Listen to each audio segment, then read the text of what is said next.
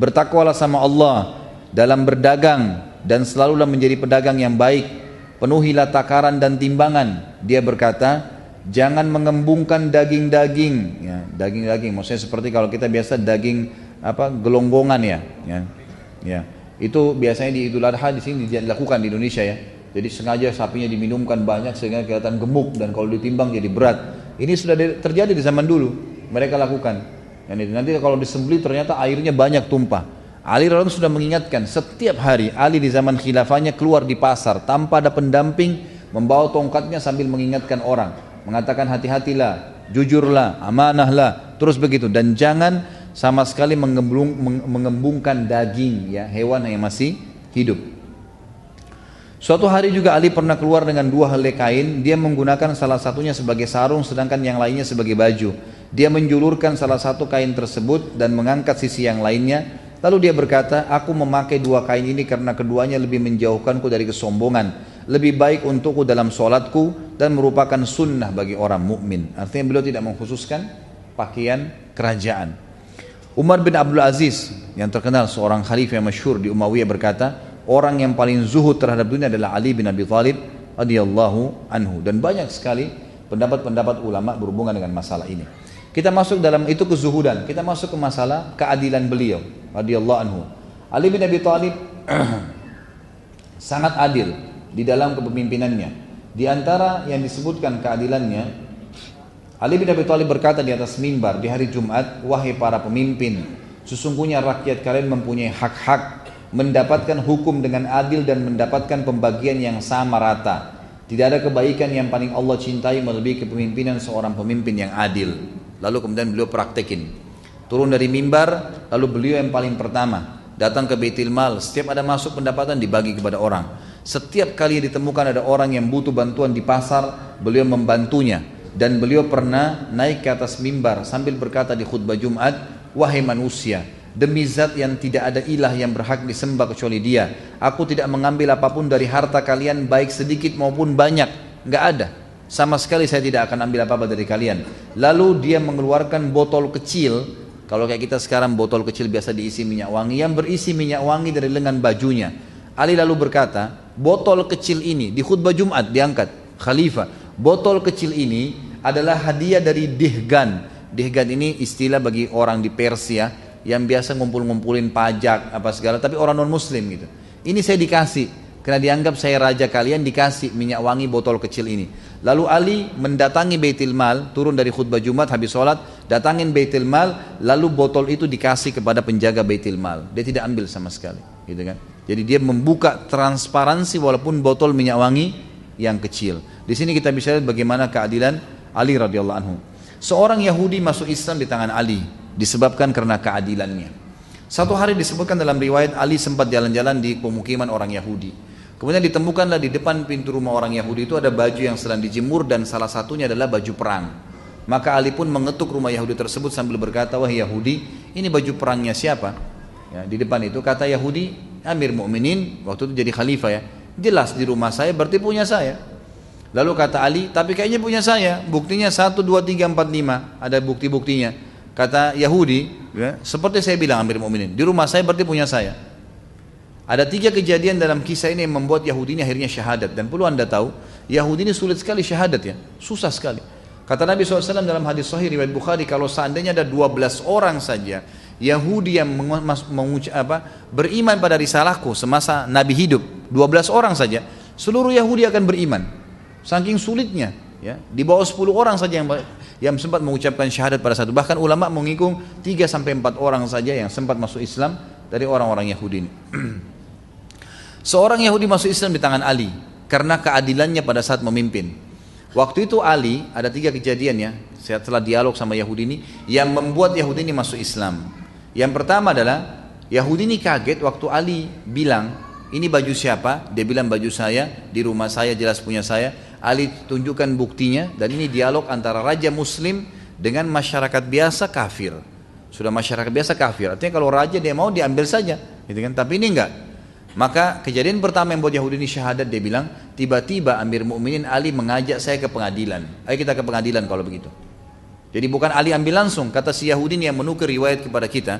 Dia mengatakan kalau seandainya ini raja Yahudi, udah diambil secara paksa. Tapi karena ini Muslim dia tidak ambil, maka saya kaget atau Amir Mu'minin mengajak saya ke ya pengadilan. Maka jalanlah saya bersama Ali. Gak ada pengawal, gak ada siapa jalan Amir Mu'minin Raja Muslim jalan kaki, gak pakai kendaraan bersama dengan orang Yahudi ke pengadilan. Kejadian kedua yang membuat Yahudi ini masuk Islam adalah pada saat masuk ke dalam ruangan pengadilan. Waktu itu kebetulan hakimnya seseorang yang bernama Shuraih yang ditunjuk oleh Ali menjadi hakim. Ali yang tentuin gajinya, Ali yang tentukan juga jabatannya. Waktu Ali masuk, kata Yahudi ini, waktu Amir Mu'minin masuk ke pengadilan dan dia berikan salam, anehnya tidak satu pun dari umat Islam ada yang berdiri dan salaman sama Ali. Nggak ada. Gitu kan? Apa sebabnya? Karena ternyata mereka sudah biasa salaman sama Ali tiap hari. Nggak ada sesuatu yang istimewa. Mereka kalau mau temui Ali, Ali ada di pasar, ada di rumahnya, kapan saja diketuk bisa ditemuin. Nggak ada sekretaris, nggak ada janji, nggak ada segala macam-macam rumit. Nggak ada. Tiap hari. Jadi mereka nggak anggap Ali itu bertemu salaman khusus adalah istimewa biasa saja. Maka pada saat Ali radhiallahu salam, waktu salam pada saat itu maka semuanya jawab, tapi kata Yahudi ini tidak ada satupun yang berdiri salaman sama Amir Mu'minin. Dan yang luar biasa, Shuraih si hakim sempat bilang, silakan wahai Amir Mu'minin, silakan apa? Antri. Di pengadilan ini lagi banyak orang dihakimin, silakan antri. Kata Yahudi ini, Amir Mu'minin pun pergi ke belakang saf, ya pengadilan dan tunggu antri. Gak marah, gak tersinggung, gak apa-apa. Biasa saya kayak tidak ada apa-apa. Ini kejadian kedua yang membuat dia kagum.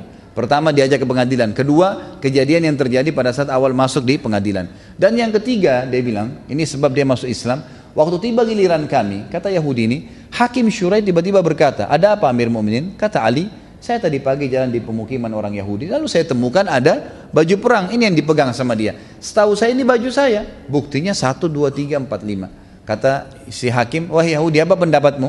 Kata Yahudi, saya sudah jawab di rumah saya kepada Amir Mu'minin ini di rumah saya, jelas punya saya berarti. Kata uh, uh, hakimnya, dan ini perhatikan ya, dialog ini antara Ali Raja dan hakim pegawainya yang ditunjuk. Tapi kemuliaan Islam tidak melihat jabatan itu. Kata Syurai, ya, dia bilang kepada Ali rajanya, wahai Amir Mu'minin, anda punya saksi nggak? Ada saksi nggak? Kata Ali, yang tahu baju ini cuma Fatimah, Hasan dan Husain, tidak ada yang lain. Cuma tiga orang. Kata Syurai, ini dialog antara pegawai sama atasannya nih. Apa yang kata si Syurai? Anda tahu wahai yang bermain dalam Islam anak nggak boleh jadi saksi buat orang tua. Orang tua nggak boleh saksi buat anak, nggak bisa. Berarti Hasan dan Husain sudah batal. Tinggal Fatimah. Dan Anda tahu dalam Islam saksi harus dua orang laki-laki yang terpercaya. Kalau satu laki-laki nggak ada diganti dengan berapa perempuan? Dua. Dua perempuan, satu laki-laki. Berarti butuh empat perempuan. Anda punya satu orang. Fatimah. Ada tiga orang lagi nggak? Kata Ali nggak ada. Cuma itu saja. Kata Yahudi tiba-tiba saya kaget. Ini yang membuat dia masuk Islam yang ketiga, yang kejadian ketiga. Dia bilang tiba-tiba Hakim Syurai menghadap ke arah kami dan mengambil keputusan berkata dengan tegas, wahai Amir Mu'minin kalau begitu saya putuskan baju perang ini punyanya Yahudi.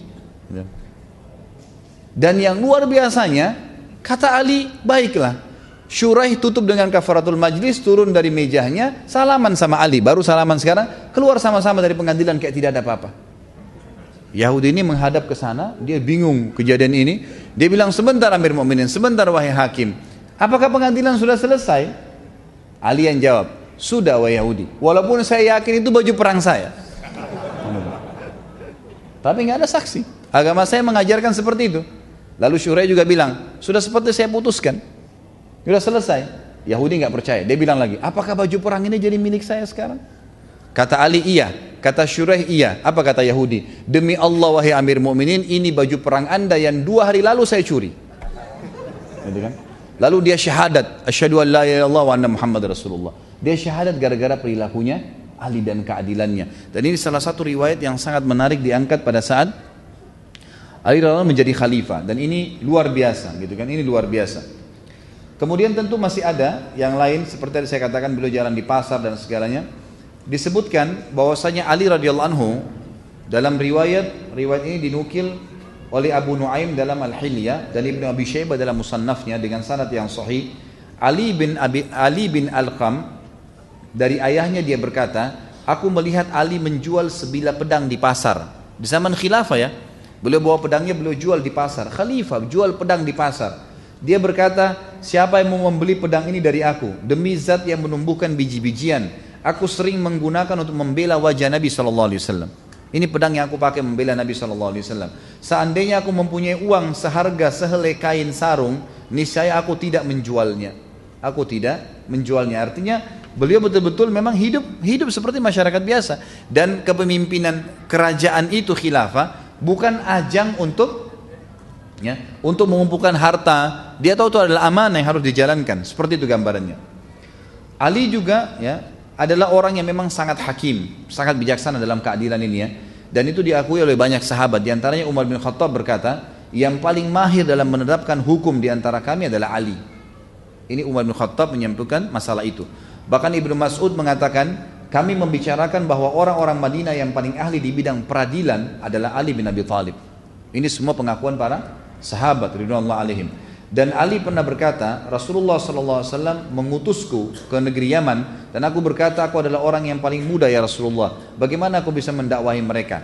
Lalu Nabi SAW mengatakan, mengatakan kepada beliau, Inna Allah sayahdi qalbak wa yuthabbit wa yuthabbitu lisanak fa idza jalasa baina yadayka al-khasmani fala taqsi فلا تقضيان حتى تسمع من الآخر كما سمعت من الأول فإنه أحرى أن يتبين لك القضاء Kata Nabi SAW sesungguhnya Allah akan membimbing hatimu dan meneguhkan lisanmu. Karena aku yang telah mengutusmu jika ada dua orang yang berselisih datang di hadapanmu maka jangan engkau menetapkan sebelum engkau mendengarkan ucapan orang kedua seperti engkau mendengar ucapan orang yang pertama karena itu akan lebih memantapkan putusanmu. Sama dengan hadis Nabi SAW yang lain juga, kalau datang kepadamu dua orang yang sedang ribut, maka jangan kau dengar, ya jangan kau putuskan kepada orang yang sedang datang walaupun matanya satu sudah rusak, gitu kan? Sampai engkau melihat ya lawannya, rivalnya, karena bisa saja rivalnya matanya dua-duanya rusak. Gitu kan? Maka disuruh mengadukan seperti itu. Umar juga radhiyallahu berkata dari Abu Sa'id al-Khudri, beliau berkata atau beliau pernah bertanya kepada Ali tentang sesuatu, lalu Ali menjawab, maka Umar berkata, Aku berlindung kepada Allah dari kehidupan di tengah suatu kaum yang tidak ada Abu Hasan di antara mereka. Maksudnya Ali radhiyallahu anhu. Dan banyak sekali riwayat-riwayat yang menyebutkan hal-hal yang seperti ini yang menyebutkan tentang masalah bagaimana keadilan beliau. Kemudian kedermawan, beliau sangat dermawan dan murah hati radhiyallahu anhu. Ya disebutkan di dalam sebuah uh, riwayat yang sahih dan riwayat ini dinukil uh, mohon maaf disebutkan dalam Ar-Riyadun An-Nadirah oleh At-Tabari dan ini juga dinukil riwayat dari e, para tabi'in dan dengan sanad yang sahih. Dikatakan Ali radhiyallahu anhu tidak wafat kecuali memiliki uang 100 ribu. Allah alam dirham atau dinar pada saat wafat tapi tapi Ali memiliki utang 70 ribu. Lalu ditanyakanlah kepada anaknya Hasan, kenapa kok bisa utangnya sebesar itu? Harta sudah ada, tapi kenapa kok bisa ya waktu beliau meninggal ya, kenapa kok bisa utangnya lebih mendekati hampir seluruh harta?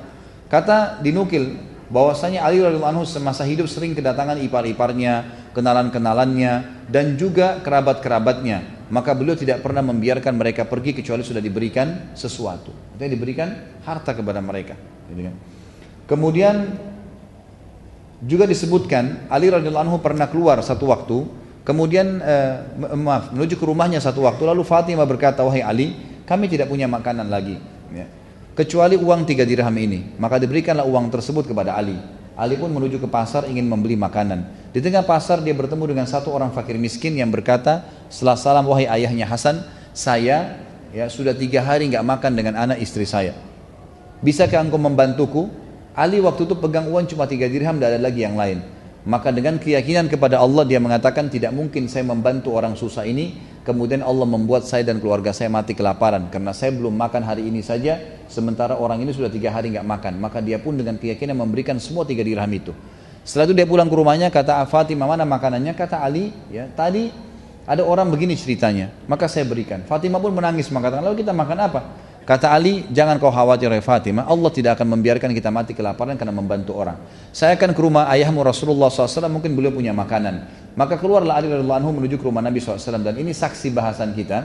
Pada saat itu bertemulah Ali dengan seorang ansar yang membawa unta betina merah ya dengan tangannya setelah memberikan salam kepada Ali kemudian ngobrol-ngobrol lalu dia berkata wahai ayahnya Hasan saya punya unta yang bagus apa anda ingin beli Waktu itu kebetulan unta yang seperti ini harganya di pasar standar cepat laku 40 dirham. Kata Ali baiklah, tapi saya nggak ada duit. Kata orang itu Anda boleh bayar kapan saja. Lalu kata Ali berapa engkau mau jual? Dia bilang saya jual 20 dirham. Udah bayarnya kapan saja ada uang, kemudian setengah harga pasar gitu kan. Lalu Ali pun mengambil, Baru saja jalan berapa langkah ingin ke rumah Nabi SAW, ada orang Ansar yang kedua datang, yang kenal orang Ansar pertama, lalu berkata kepada Ali setelah salam, wahai ayahnya Hasan, saya lihat kamu punya unta yang bagus, apa kau mau jual? Kata Ali, iya. Lalu orang itu berkata berapa? Kata Ali 40 dirham, harga standar pasar.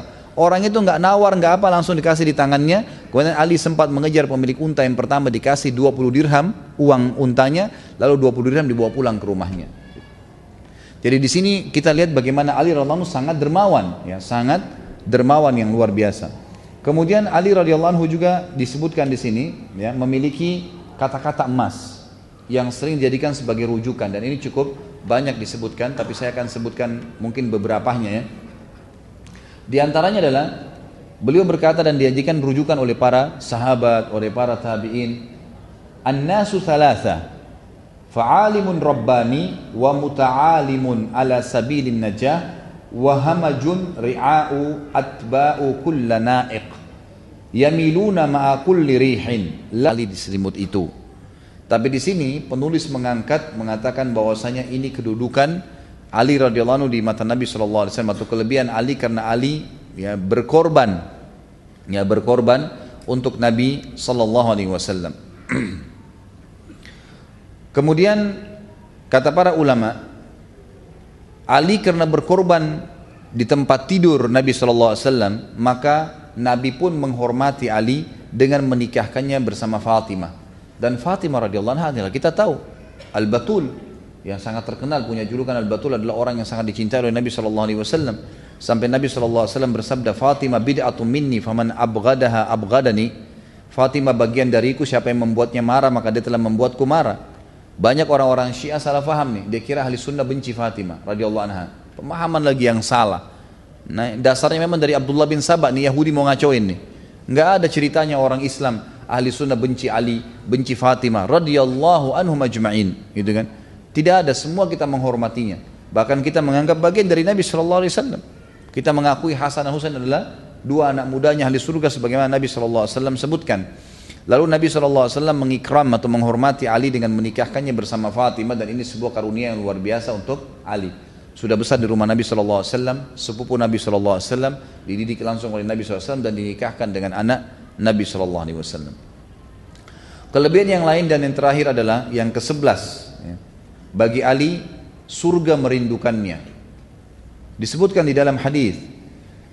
Diriwayatkan oleh Imam Tirmidzi nomor 3797 dan Hakim dalam Mustadrak jilid 3 nomor 148 dari Anas radhiyallahu dan riwayat ini dihasankan oleh Syekh Albani. Kata Nabi SAW, Innal jannata la tashtaqu ila thalatha, Aliyun wa Ammar wa Salman. Sesungguhnya surga benar-benar merindukan tiga orang, Ali, Ammar, dan Salman radhiyallahu anhum ajma'in. Jadi ini sebuah fadilah untuk Ali radhiyallahu anhu. Ini semua fadilah-fadilah yang berhubungan langsung dengan Nabi sallallahu alaihi wasallam. Kita sekarang lihat bagaimana peran Ali dalam peperangan. Kita mulai dengan perang Badar tahun 2 Hijriah. Ali radhiyallahu anhu adalah orang yang sangat luar biasa, terkenal orang yang mahir menunggangi kuda. Nabi SAW bukan hanya mendidiknya secara imaniah, mendidiknya secara fisik, mendidiknya secara keterampilan. Karena Nabi SAW orang yang paling mahir menunggangi kuda, orang yang paling mahir dengan keterampilan perang, gitu kan? Kalau antum ikutin di materi sirah saya sampaikan bagaimana Nabi SAW luar biasa menguasai keterampilan perang itu. Abdullah bin Mas'ud berkata, di perang Badar kami mengendarai seekor unta bersama secara bergantian, tiga orang.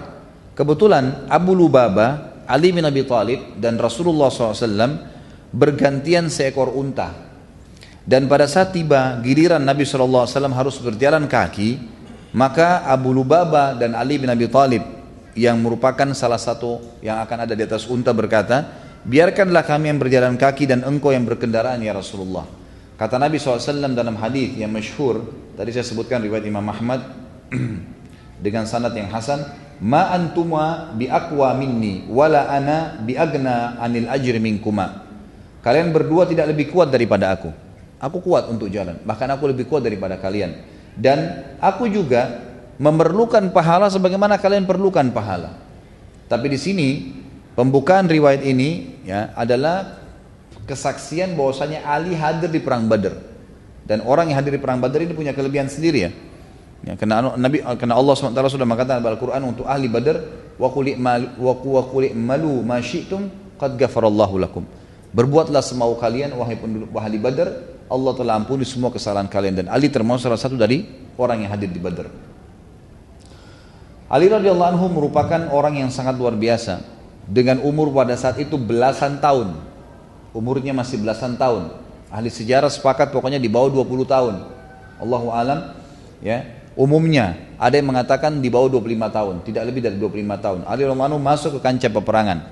Dan pada saat bertemu antara dua pasukan di perang Badar, maka Utbah bin Rabi'ah maju mengajak saudaranya Syaibah dan anaknya Walid untuk berperang. Maka mereka pun bertiga berseru mengatakan siapa yang mau berduel dengan kami. Lalu keluarlah tiga orang dari Ansar Lalu mereka bertanya, orang-orang Quraisy ini bertanya, Utbah dan saudara serta anaknya, siapa kalian? Maka berkatalah mereka masing-masing namanya. Maka orang-orang Quraisy ini bilang, wahai Muhammad, kami tahu mereka ini orang-orang yang hebat mungkin di kalangan kalian, tapi kami ingin dari anak suku kami sendiri. Maka Nabi SAW menunjukkan kepada kaum muslimin tentang pentingnya ya, pemimpin itu mendahulukan dirinya dan keluarganya agar menjadi contoh. Nabi SAW menyuruh berdiri pertama adalah Hamzah, pamannya. Suruh hadapin tuh orang-orang. Bukan orang-orang muhajirin umumnya. Kemudian berdiri wahai Ali, kata Nabi SAW. Ali disuruh berdiri. Dan yang ketiga berdirilah wahai Ubaidah. Ubaidah bin Harith. Harith ini paman Nabi, jadi ini sepupu Nabi sendiri. Berdirilah tiga orang tersebut, kemudian mereka masing-masing menghadapi satu sama yang lainnya. Hamzah menghadapi Utbah dan Utbah berhasil dibunuh oleh Hamzah Kemudian kata Ali dalam sebuah riwayat, aku menghadapi Syaibah dan aku berhasil mengalahkannya, sedangkan Ubaidah menghadapi Walid. Semuanya ya berhasil dibunuh. Hamzah berhasil membunuh lawannya, Ali berhasil membunuh lawannya, tapi Ubaidah dan Al-Walid mereka saling pukul satu sama yang lain sehingga akhirnya dua-duanya jatuh. Kemudian terbunuhlah akhirnya Al-Walid di tangan di tangan Hamzah radhiyallahu anhu Ringkas cerita adalah Ali bin Abi Thalib termasuk orang yang keluar berduel pada saat itu, keluar berduel. Dan orang yang ditampilkan dalam duel, dalam duel, kalau di kancah peperangan, itu pasti orang yang akan membawa nama harumnya pasukan. Kapan duel itu? Misalnya ada seribu pasukan lawan seribu pasukan. Kalau dua orang maju, yang maju ini membawa nama baiknya yang seribu. Kapan dia berhasil menang, mengangkat semangat yang seribu ini, gitu kan? Maka yang duel bukan orang sembarang. Nabi SAW selain memilih sahabat, kerabatnya sendiri dari sahabatnya, juga memang memilih bertip orang-orang terpilih. Ini orang-orang yang luar biasa. Ya. Dan kita akan lihat nanti bagaimana memang keterampilan Ali radhiyallahu anhu dalam peperangan. Di antaranya juga adalah perang Khandak. Di perang Khandak ini, Khandak itu dibuat parit yang sangat besar oleh Nabi SAW dikenal dengan surah dikenal juga dengan perang Ahzab. Surah Ahzab menceritakan masalah itu. Ada satu orang saya tidak cerita perang azabnya, tapi waktu itu parit sangat dalam, 7 meter ke dalam, 15 meter ke sana, itu kan lebarnya, sehingga tidak bisa dilompati oleh musuh. Ada satu orang Quraisy namanya Amr bin Abi Wud. Amr bin Abi Wud ini umurnya sudah 80 tahun. Tapi orangnya kuat, kekar. Dia satrianya orang Mekah. Nggak ada yang berani kalau sudah masuk di medan perang, pasukan Quraisy musuh-musuh Quraisy kalau lihat ada Amr bin Abdibut ini tidak ada yang berani datang. Pasti semuanya mundur, nggak berani melawan gitu. Karena orangnya luar biasa, kuat sekali secara fisik, gitu kan. Walaupun umurnya sudah 80 tahun. Dan subhanallah semua kuda-kuda Quraisy berusaha loncatin tadi parit tidak ada yang berhasil. Kudanya Amr bin Abdibut berhasil. 80 tahun umurnya, dia tunggangi kuda, dia bisa loncatin parit 15 meter. Itu bukan main-main itu. Berhasil loncat ke sana, Kemudian dia tantang kaum muslimin. Dia bilang, kalau kalian jantan, jangan serang saya, jangan keroyokin. Tapi saya ajak duel. Siapa yang berani keluar? Melihat kejadian tersebut, waktu itu umurnya 80 tahun. Ali di bawah 25 tahun. Gitu kan. Ali berdiri mengatakan, saya Rasulullah hadapin dia. Kata Nabi SAW, jangan Ali, sebentar. Ternyata orang ini tidak diam, dia tantang lagi. Mana janji kalian katanya kalau meninggal mati masuk surga. Ini saya sudah tantang. Siapa yang berani duel dengan saya? Mendengar tantangan tersebut Ali berdiri lagi. Ya Rasulullah izinkan saya melawan orang ini. Kata Nabi SAW. Dia tenang hai Ali. Tenang dulu. Jangan dulu. Amr berucap lagi tiga kali. Ternyata kalian penakut. Seorang laki-laki dia sebutkan syair-syairnya. Seorang laki-laki telah loncat dan kemudian menunjukkan keber keberaniannya. Ternyata satu melawan sekian banyak tidak ada yang berani. Ali langsung berdiri mengatakan, Ya Rasulullah, izinkan saya melawan orang ini. Kata Nabi SAW, dia Amr. Ini Amr bin Abi Wud terkenal, sangat kuat. Khawatir kamu kalahkan. Kata Ali, walaupun Amr ya Rasulullah, saya akan lawan. Baiklah. Kata Nabi SAW, baiklah kalau begitu. Lalu Nabi SAW memberikan kepadanya imamah dan Nabi SAW mendoakannya. Pada saat Ali pun menuju ke sana, langsung Ali karena semua pakai baju perang ya, tertutup dengan besi, jadi tidak terlalu kelihatan wajahnya. Dan Amr ini umur 80 tahun, ini anak 20 tahun, tidak dikenal sama Amr. Kata Amr siapa kamu? Hai ponakanku, dilihat masih muda. Langsung dia bilang, saya Ali. Kata dia, Ali bin Abdul Manaf. Jadi ada satu orang namanya Ali bin Abdul Manaf. Abdul Manaf ini kakek Nabi, artinya dia pikir orang tua juga. Kata Ali bukan. Ali bin Abi Thalib. Abu Talib saja dibandingkan dengan ini ya masih lebih tua orang ini daripada Abu Talib kalau Abu Talibnya hidup. Maka kata orang tersebut, ada orang yang lebih kuat daripada kamu. Kenapa kamu yang maju? Suruh orang-orang yang tua, yang kuat, yang sudah pengalaman. Gitu kan. Kata Ali, wahai Amr, saya pernah dengar, saya pernah dengar, kamu berkata, kalaupun saya diajak beberapa pilihan dan pilihan itu menantangku, tiga pilihan dan itu menantangku, aku akan menjawabnya. Bukankah kau pernah berkata, Hei Amr? Kata, kata Amr, iya. Kata Ali, kalau begitu saya mengajak kamu ke tiga perkara. Kata Amr, apa itu? Kata dia, saya mengajak kamu bersyahadat, mengatakan, La ilaha illallah wahdahu la syarikal tidak ada Tuhan yang berhak disembah kecuali Allah dan Muhammad Rasulullah. Kata Amr, kalau itu saya tidak mau. Saya sudah jauh-jauh datang kancam peperangan untuk memerangi Muhammad justru karena saya tidak mau mengucapkan kalimat itu. Baiklah kata Ali, kalau yang kedua, saya menawarkan kamu untuk kamu balik ke negerimu, ke Mekah. Gitu. Kan. Jika Muhammad benar, kau tidak jadi perangin dan memang dia benar, sebenarnya namamu sendiri baik. Orang Quraisy sama-sama. Kalau dia salah, dia pendusta, kan itu yang sedang kamu ucapkan, kamu mendustakan dia. Ada tidak ada untungnya kau perangin dia. Kata Amr, ini juga tidak mungkin. Wanita-wanita Quraisy saja tidak ada yang ucapin, apalagi saya laki-laki. Kata Ali, kalau begitu saya tawarkan yang ketiga. Kata Amr, apa itu? Berduel. Perang, kita berdua.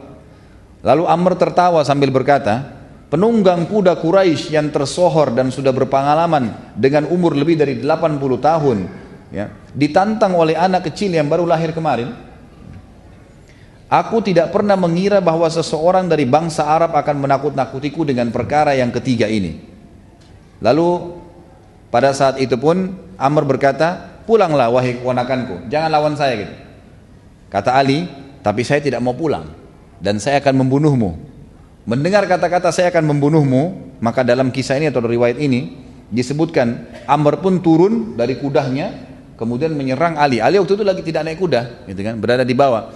Maka Amr turun kemudian menyerang Ali dengan sekuat tenaganya. Ya, dari jarak jauh mengangkat pedangnya lalu menghantamkan ke atas kepala Ali. Tiba-tiba dengan kekuatan penuh dan Ali sempat menangkisnya dengan tameng. Saking kerasnya pukulan tersebut sampai membuat tameng Ali pecah gitu kan. Tameng dari besi pecah dan kemudian kepala Ali sempat terluka. Tetapi Ali radhiyallahu anhu memang sudah dilatih oleh Nabi saw dengan keterampilan perang yang luar biasa. Maka dia pun tidak menunggu kesempatan, tidak menunggu, tidak tidak tidak menyia-nyiakan kesempatan pada saat pedang si Amr ini masih melengket di perisainya dan melukai kepalanya, dia pun segera menebas leher Amr dan akhirnya menumpahkan darah dan Amr rubuh jatuh pada saat itu. Pada saat Amr pun terbunuh, maka seluruh muslimin bertakbir. Ada beberapa asar yang menyebutkan kepada kita bahwasanya Ali radhiyallahu anhu sempat menarik pedang dari bawah Karena waktu Ali ditangkis, dipukul kepalanya, Ali sempat terduduk. Maka Ali pun menarik pedang dari bawah di depan dia, dari mohon maaf kemaluan si Amr sampai ditarik ke atas gitu. Sehingga terbelah, gitu kan, tertarik sampai ke wajahnya. Ada riwayat lain juga menyebutkan, tapi riwayat yang diangkat di sini adalah dia menebas lehernya, gitu kan. Pada saat itu riwayat yang lain adalah dia menghantamkan pedangnya di kepala Amr dan membalas ya karena dipukul bagian kepala dia juga membalas kepalanya dan saking kuatnya pukulan Ali sampai membuat pedang itu masuk ya dan membelah ya membelah bagian kepala si Amr ini. Tapi yang kita ingin ambil pelajaran di sini adalah bagaimana keberanian Ali radhiyallahu anhu menghadapi seorang pejuang yang luar biasa, kesatria yang kuat, tidak sembarangan. Maka ini juga sebuah fadilah tersendiri ini sebuah hal yang akhirnya membuat pasukan Quraisy tidak berani lagi untuk maju. Setelah keesokan atau ke malam harinya diantam oleh angin yang sangat besar yang menghancurkan pasukan mereka. Pada saat itu ada satu orang lagi yang sempat loncat bersama Amr dan berhasil juga namanya Ikrimah, Ikrimah bin Abi Jahal, sepupu Nabi SAW. Ya. Masih keluarga Nabi juga. Ikrimah anaknya Abu Jahal. Waktu melihat Amr yang kuat itu terbunuh, dia pun akhirnya lari dan tidak berani untuk berperang dengan kaum muslimin. Pada waktu itu Ali sempat ya, sempat menunggu kalau Ikrimah mau berantem atau duel maka dia pun akan menunggunya.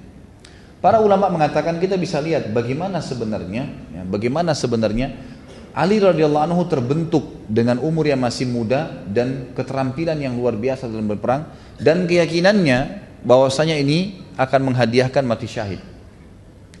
Kata Umar bin Khattab radhiyallahu anhu kepada Ali, "Mengapa engkau tidak mengambil baju besinya?" Padahal di kalangan orang-orang Arab tidak ada baju besi perang yang lebih baik daripada yang dia miliki. Baju perangnya paling bagus nih, gitu kan. Sulit sekali untuk di dirusak gitu. Maka dia menjawab Ali mengatakan aku menebasnya dan dia menghadapkan auratnya kepadaku dan ini riwayat yang menjelaskan dia sempat menghantam bagian kemaluannya gitu kan maka auratnya pun kelihatan maka aku tidak mau mengambilnya karena aku malu melihat kemaluannya gitu kan lalu orang-orang musyrik membayar jasadnya Amr kepada Nabi SAW dengan 10 ribu dirham Kemudian Nabi SAW berkata, dan ini riwayat semua saya ringkaskan disebutkan oleh Ibnu Kathir dalam Al-Bidayah wa Nihaya.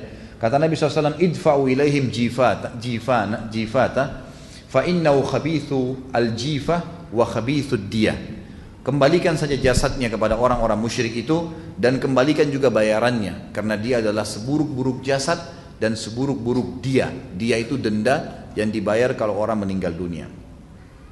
Itu sekelumit cerita, cerita Ali ke, ke, ke, perannya di perang Khaybar. Mam di perang Khandak. Sekarang kita masuk ke perang Khaybar. Di perang Khaybar juga Ali radhiyallahu punya kesan, ya, punya peran yang luar biasa. Di antara hadis-hadis yang sudah masyhur gitu kan. Yang sahih, hadis-hadis ini diriwayatkan oleh Imam Bukhari di nomor 4210, Imam Muslim 2406. Nabi SAW setelah mengepung Khaybar selama 43 hari, lalu kemudian beliau ya berkata, besok saya akan memberikan bendera kepada seseorang yang mencintai Allah dan Rasulnya dan Allah dan Rasulnya juga mencintainya. Kemudian kata Umar bin Khattab, saya tidak pernah menginginkan pemerintahan kecuali malam itu. Karena memang ada predikat mencintai Allah dan Rasulnya dan Allah dan Rasulnya mencintai dia.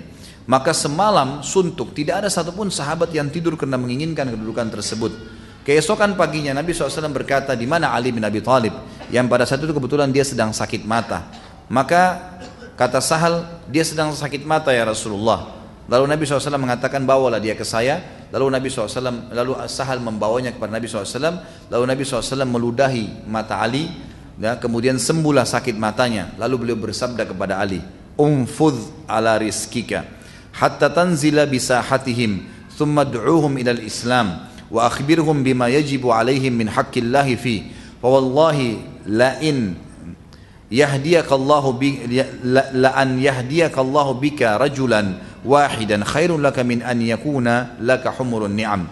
Majulah ke depan ya, benteng mereka dengan tenang jangan tunjukkan kepanikan. Kemudian pada saat engkau tiba di depan benteng mereka tawarkanlah kepada mereka untuk masuk Islam. Katakan kepada mereka apa yang akan menjadi kewajiban mereka dan merupakan hak mereka di dalam Islam. Demi Allah, Allah memberi bila Allah memberikan petunjuk satu orang karena kamu penyebabnya itu lebih baik daripada engkau mendapatkan unta yang merah. Saksi bahasan kita di sini adalah bagaimana ya, Nabi SAW memberikan bendera khusus kepada Ali radhiyallahu anhu. Dalam riwayat lain Abu Sa'id al-Khudri menyebutkan, riwayat ini riwayatkan Imam Ahmad nomor hadis 16 dan dengan sanad yang hasan Rasulullah SAW memegang panji di malam hari itu dan beliau menggoyangkannya, maksudnya menintak, lalu menancapkan tongkatnya ke tanah. Beliau bersabda, siapa yang akan mengambil panji ini dan memberikan haknya, maka majulah seorang sahabat mengatakan, aku ya Rasulullah. Lalu kata Nabi SAW, mundurlah. Kemudian orang lain pun maju mengatakan, aku ya Rasulullah. Kata Nabi SAW, mundurlah. Kemudian Nabi SAW mengatakan, demi zat yang telah memuliakan wajah Muhammad, aku akan menyerahkannya kepada seorang laki-laki yang tidak akan pernah lari. Jadi ternyata ada satu ciri khasnya Ali radhiyallahu anhu ini. Beliau itu sangat yakin dengan kebenaran Allah dan Rasulnya dan kalau maju di medan perang, memang yang beliau cari mati syahid, beliau tidak mau mundur, tidak mau mundur walaupun tinggal satu orang, tinggal beliau sendiri beliau tidak mau mundur. Makanya Nabi SAW waktu bilang, Demi zat yang telah memuliakan wajah Muhammad, aku akan menyerahkan kepada seorang laki-laki yang tidak akan pernah lari, bagaimanapun keadaannya. Kalau tinggal tangannya saja yang bisa bergerak, tetap dia pakai untuk untuk berperang, gitu kan? Kalau seluruh anggota tubuhnya patah pun, tetap dia pakai untuk berperang. Maka dia mengatakan, wahai Ali, majulah dan terimalah panji ini. Lalu Ali pun bergerak maju sampai Allah membuka Khaybar dan Ali datang membawa kurma-kurma serta daging-daging cincangnya. Riwayat ini menjelaskan juga kepada kita tentang fadilah Ali, hampir sama dengan tadi, bagaimana Ali radhiyallahu anhu diberikan bendera tersebut. Ada sedikit kisah yang menarik di perang Khaybar ini. Ada orang Yahudi yang sempat keluar dua orang yang bernama Marhab dan yang bernama Harith. Dua orang ini, ya, dua orang ini, mohon maaf, yang satu bernama Marhab dan yang satu bernama uh, Amir. Dua orang ini disebutkan dalam riwayat tingginya lima hasta. Kurang lebih kalau lima hasta itu lima meter kali. Ya. Tingginya orang Yahudi ini lima meter. Dua orang prajurit pilihannya Yahudi. Keluar dalam hadis ini dikatakan dan ini bisa lihat diriwayatkan Imam Muslim nomor 1897 dari Salamah bin Aqwa radhiyallahu anhu tentang perang Khaybar. Pada saat itu keluar dan keduanya menantang siapa yang mau berduel. Bayangkan kalau 5 meter jalan. Mungkin dari lantai ini ke atas ini berapa? 5 meter kira-kira nggak nyampe ya. Mungkin 4 meter. Bayangkan 5 meter tingginya. Besar. Pedangnya pun sangat besar. Badannya semua dipenuhi dengan besi. Gitu kan. Dua orang ini keluar kemudian dua-duanya menantang. Sekali lagi pada saat ditantang keluar duel dan kebetulan untuk dia tantang ini pasukannya Ali yang tadi diutus oleh Nabi untuk maju ke depan sudah sampai di depan. Ali pemimpin waktu itu ya sudah jadi pemimpin. Nabi SAW di belakang karena dia yang disuruh pimpin pasukan untuk menembus benteng tersebut. Ali radhiyallahu anhu bisa menunjuk siapa saja dari pas prajuritnya suruh maju untuk melawan. Bayangkan 5 meter tinggi besar badannya gitu ya. Maka yang keluar melawan si ya Marhab ini ternyata Ali. Ali sendiri yang maju mengatakan saya akan melawannya. Dan yang melawan Amir Zubair ibn Awam. Sepupu Nabi SAW juga. Dua-duanya terkenal. Sementara poster tubuh Ali dengan Zubair memang kekar tinggi besar juga, tapi tidak setinggi ini. Tingginya mereka itu mendekati Nabi Shallallahu Alaihi Wasallam. Kurang lebih sebagian ahli sejarah mengatakan sebagian ya, tinggi Nabi Shallallahu Alaihi Wasallam itu antara 190 sampai hampir 2 meter. Tinggi Nabi SAW tinggi, 190 antara Umar bin Khattab dengan Abdullah bin Mas'ud. Intinya adalah Ali tidak jauh dari situ, tetapi orang ini lima hasta, tinggi sekali, gitu kan? Maka keluarlah keduanya dan ternyata Ali radhiyallahu anhu pun sempat melawan dan membunuh Marhab bahkan keluar juga adiknya yang bernama Harith dengan poster tubuh yang hampir sama juga dikalahkan oleh Ali. Dua-duanya dibunuh oleh Ali radhiyallahu anhu. Kemudian Zubair pun berhasil mengalahkan Amir dan setelah kalahnya tiga orang prajurit utama Yahudi ini maka benteng Khaybar pun menyerah. Benteng Khaybar pun menyerah.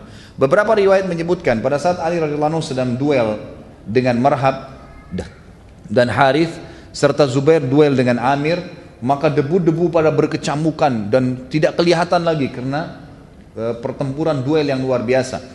Sampai-sampai akhirnya Ali keluar dari kancah duel itu, dari debu tersebut dan Zubair juga keluar. Ternyata ditemukan pada saat ya debu itu sudah tidak lagi bertebangan, ditemukan orang-orang Yahudi ini sudah menjadi jasad, sudah mati maksudnya, sudah tergeletak di tanah. Maka pada saat itu pun ya Nabi SAW dan para sahabat bertakbir dan akhirnya benteng Khaybar gugur. Ya, benteng Khaybar gugur. Jadi ini juga termasuk hal yang luar biasa dari kepemimpinan Ali radhiyallahu anhu. Sekarang kita masuk ke masalah kezuhudan atau maaf kekhilafaannya beliau dan ada beberapa hal yang berhubungan dengan khilafah beliau. Pertama pada saat Utsman bin Affan terbunuh radhiyallahu anhu maka masyarakat Madinah memilih Ali dan Ali pun sempat menolak. Ali nggak mau sebenarnya. Tapi orang-orang Madinah mengatakan, serahkan tanganmu kami membaiatmu. Karena kalau tidak ada pemimpin maka kita akan susah. Serahkan tanganmu. Maka Ali pun akhirnya dibaiat. Ali pun akhirnya dibaiat. Ali pun pada saat dibaiat, beliau pun akhirnya mengirim surat ke seluruh penjuru wilayah Islam, termasuk Syam dan Irak, untuk membaiatnya. Tetapi Irak dipenuhi oleh penduduk yang, di, yang merupakan pengikut Abdullah bin Sabah, yang menjadi penyebab terbunuhnya Uthman bin Affan. Sementara negeri Syam ada Muawiyah, yang Muawiyah adalah sepupu Ali, eh, sepupu Uthman dan memang dia masih menuntut darahnya Uthman dulu baru membaiat, gitu kan. Ringkas cerita adalah awal fitnah yang terjadi di khilafahnya Ali pada saat sudah dibaiat adalah terjadinya perang unta, perang Jamal. Perang Jamal ini terjadi di tahun 36 hari-hari pertama, ya. Hari-hari pertama dibaiatnya Ali. Kisahnya adalah pada saat Uthman terbunuh, Aisyah radhiyallahu anha sedang berada di Mekah. Aisyah radhiyallahu sedang berada di Mekah, sedang umroh gitu. Lalu kemudian Zubair, Zubair bin Awam yang tadi juga kita masuk sebutkan kisahnya di dalam Khaybar yang melawan eh, salah satu orang Yahudi tadi Amir itu. Zubair dan Talha, dua sahabat yang masuk surga, dua-duanya membayat Ali di Madinah. Kemudian dua-duanya keluar dari Mekah, dari Madinah menuju ke Mekah. Mau umrah juga bertemulah dengan Aisyah radhiyallahu anha. Lalu kemudian mereka menceritakan tentang perkembangan kepada Aisyah apa yang terjadi di eh, di di, di mana di di Madinah pada saat itu. Maka mereka pun sepakat tiga-tiga untuk memilih membaiat Ali. Ini riwayat yang sahih. Sebutkan oleh Imam Bukhari, sebutkan Imam Muslim, sebutkan oleh para ahli-ahli sejarah kita semua termasuk Ibnu Hisham menyebutkan maka pada saat itu datang kepada Aisyah radhiyallahu anha surat-surat dari orang-orang Irak. Dan orang-orang Irak yang menyurat ini adalah pengikutnya Abdullah bin Sabah. Mereka tahu kalau seandainya Ali berhasil dibaiat oleh seluruh muslimin, maka secara otomatis mereka akan terbongkar kedoknya dan akan dihukum, dikisos. Dalam Islam yang membunuh dipenggal, apalagi membunuh raja gitu kan.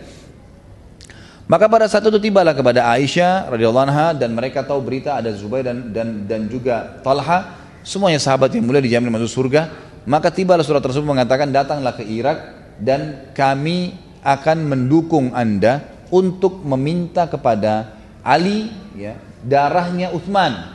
Padahal yang menyurat ini yang membunuh Uthman. Mereka bilang seperti itu. Keluarlah Aisyah radhiallahu anha dengan Talha dan Zubair ke negeri Irak, ke kota Basra tepatnya. Tujuannya adalah untuk memenuhi panggilan tadi. Dan sempat dalam surat tersebut tertulis kalimat-kalimat yang mengatakan kami penduduk Irak siap mendukung Anda dan juga ya agar umat ini tidak pecah. Maka harusnya dicepat, dibantu, ditolong. Seperti itulah bahasanya. Padahal sebenarnya mereka sedang melakukan sebuah strategi fitnah. Di waktu yang bersamaan, pengikut-pengikut Abdullah bin Sabah ini menulis surat juga kepada Ali ke Madinah. Bahwasanya wahai Ali, keluarlah ke Irak karena Aisyah, Talha dan Zubair telah membentuk pasukan di Irak. Zaman dulu nggak ada media, nggak bisa orang jaraknya jauh. Yang bisa dilakukan adalah berjaga-jaga. Maka Ali pun menyiapkan pasukan berjaga-jaga. Sementara Aisyah, Talha sama Zubair tidak ngerti apa-apa sama sekali. Datang ke sana, ternyata orang-orang Irak ini sudah di sana sudah mereka buat gemuruh sekian berita bahwasanya Aisyah ini Ummul Mukminin akan diserang oleh Ali. Mereka memang tadinya tidak suka sama Ali, gitu kan? Pengikut Abdullah bin Sabah yang membentuk pemahaman Syiah ini yang banyak orang bilang mendukung Ali, mereka dalam sejarah terbukti tidak suka sama Ali. Mereka benci sama Ali karena mereka membunuh Utsman, mereka takut dihukum di kisos gitu. Ternyata di Irak mereka sudah buat berita agar orang-orang awam yang tidak sepaham dengan mereka mau membela, mau membentuk pasukan, mereka bilang Aisyah Ummul Mukminin sedang datang, gitu kan, ke sini dan sama Talha sama Zubair dan mereka akan diserang oleh Ali. Kira-kira apa yang terjadi? Orang-orang Irak yang memang tidak paham apa-apa, tidak ada hubungannya sama pengikut Abdullah bin Sabah ini, ikut-ikutan siapin pasukan nih. Karena niatnya mau membela siapa? Aisyah, gitu kan? Disiapkanlah seekor unta, makanya dikenal dengan Ma'rakatul Jamal, peperangan Jamal, karena memang Aisyah di atas unta. Waktu tiba Aisyah radhiyallahu Talha dan Zubair di Irak, tiba-tiba melihat sudah ada pasukan ramai. Ada apa nih? Oh ahli mau nyerang dari Madinah. Aisyah sama Talha Zubair ini bingung. Ada apa kok ahli mau nyerang? Apa sebabnya? Apa kesalahan kalian? Ya mau menyerang kalian. Wahai Aisyah, Talha Zubair, karena kalian dianggap tidak mau membaiat. Kata Aisyah sama Talha dan Zubair, siapa yang bilang tidak mau dibayat? Jelas-jelas saya mau dibayat. Kami membayat Ali kok. Pokoknya ringkasnya berjaga-jaga. Aisyah dinaikkan ke unta tersebut, Talha dan Zubair juga diberdirikan di atas kuda. Baiklah, kita tidak buat apa-apa kok, tidak nyerang Madinah, tunggu di sini gitu. Sebelum itu ada sebuah wilayah namanya Hauhab.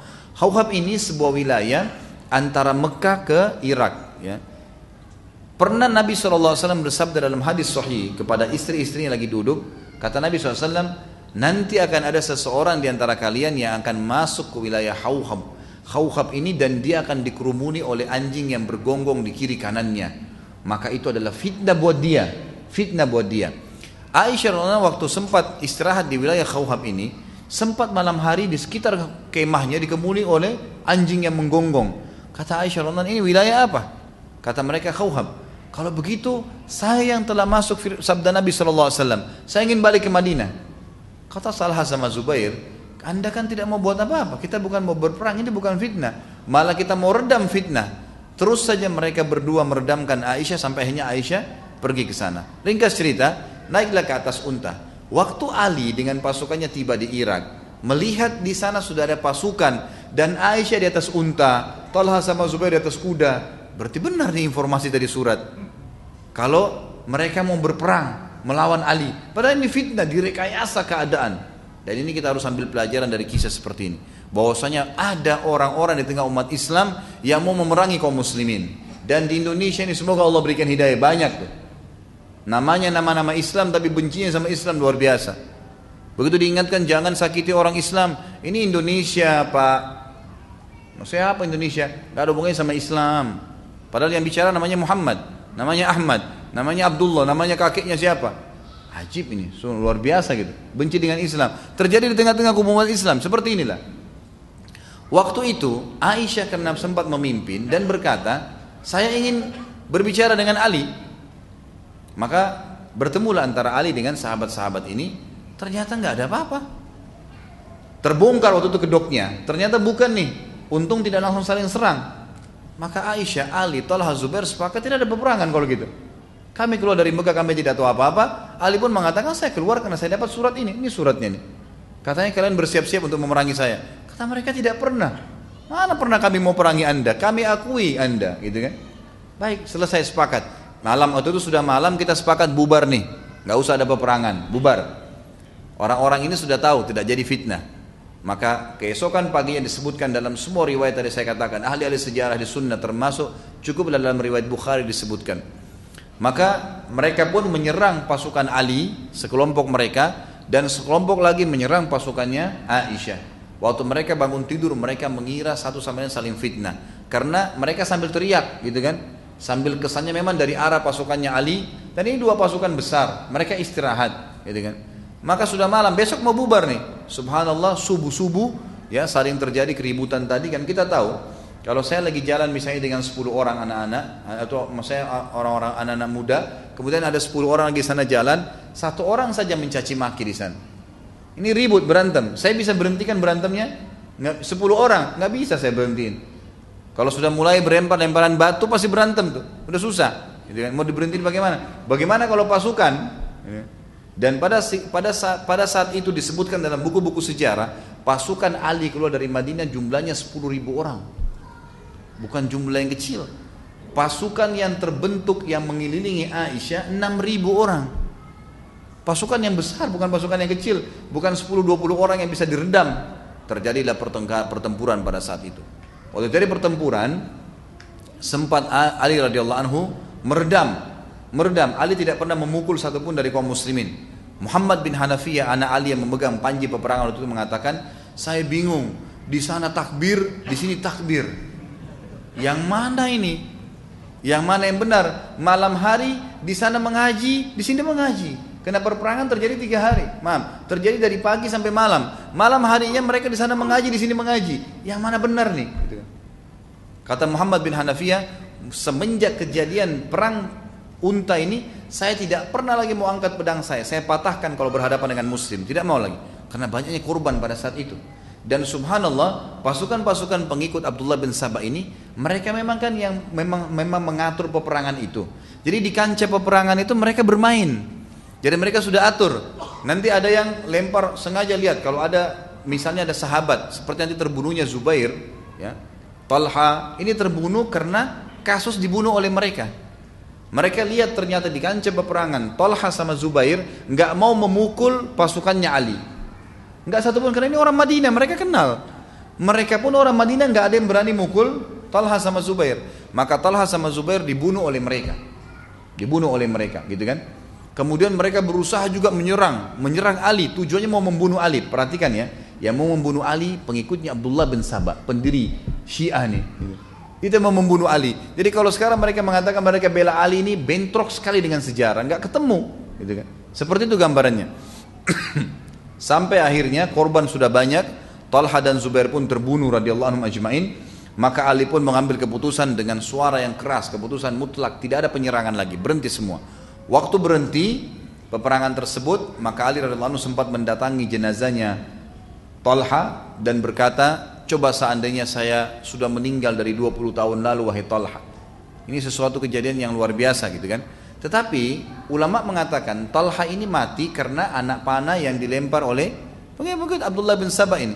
Jadi orang-orang yang membuat fitnah, maka dihitung dia mati syahid dan kena hadis Nabi SAW tadi yang sudah kita sebutkan waktu mas naik di gua bukit eh, eh, Jabal Nur yang ada gua Hira yang sempat goncang dan ada Talha di situ. Zubair pun begitu. Dan Nabi SAW pernah bersabda kepada Ali, wahai Ali, nanti akan datang, ya, nanti akan datang uh, kejadian antara kau dengan Aisyah. Maka kata Ali radhiyallahu anhu dalam hadis sahih ini, ya Rasulullah, kalau begitu saya binasa. Ada apa saya ribut dengan istri anda gitu? Ada masalah apa? Kata Nabi Wasallam, intinya kalau terjadi, kata Nabi, Nabi tidak jelaskan. Kalau terjadi, maka kembalikanlah dia ke rumahnya di Madinah. Itu saja sabda Nabi SAW. Nah waktu itu Ali mengetahui lalu Ali Nabi Ali membawa, membawa pulang Aisyah ke rumahnya dan semua ahli sunnah sepakat mengatakan semua sahabat mulai semenjak itu berhenti satu sama yang lain untuk saling mendengar berita dari selain mereka. Itu yang pertama. Jadi selain sahabat mereka tidak terima beritanya.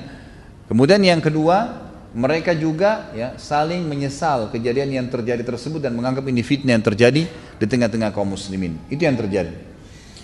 Baik, itulah perang unta dan pada saat perang unta ini selesai, gitu kan? Ternyata pengikut Abdullah bin Sabah tadi mereka keluar dari kancah peperangan dan mereka membuat fitnah yang sama yang tadi saya bilang di Siffin. Mereka nyurat lagi ke Muawiyah di Syam karena ada dua kubu kan, penduduk Madinah itu dukungannya Aisyah dari Talha dan Zubair yang dianggap bisa ditarik.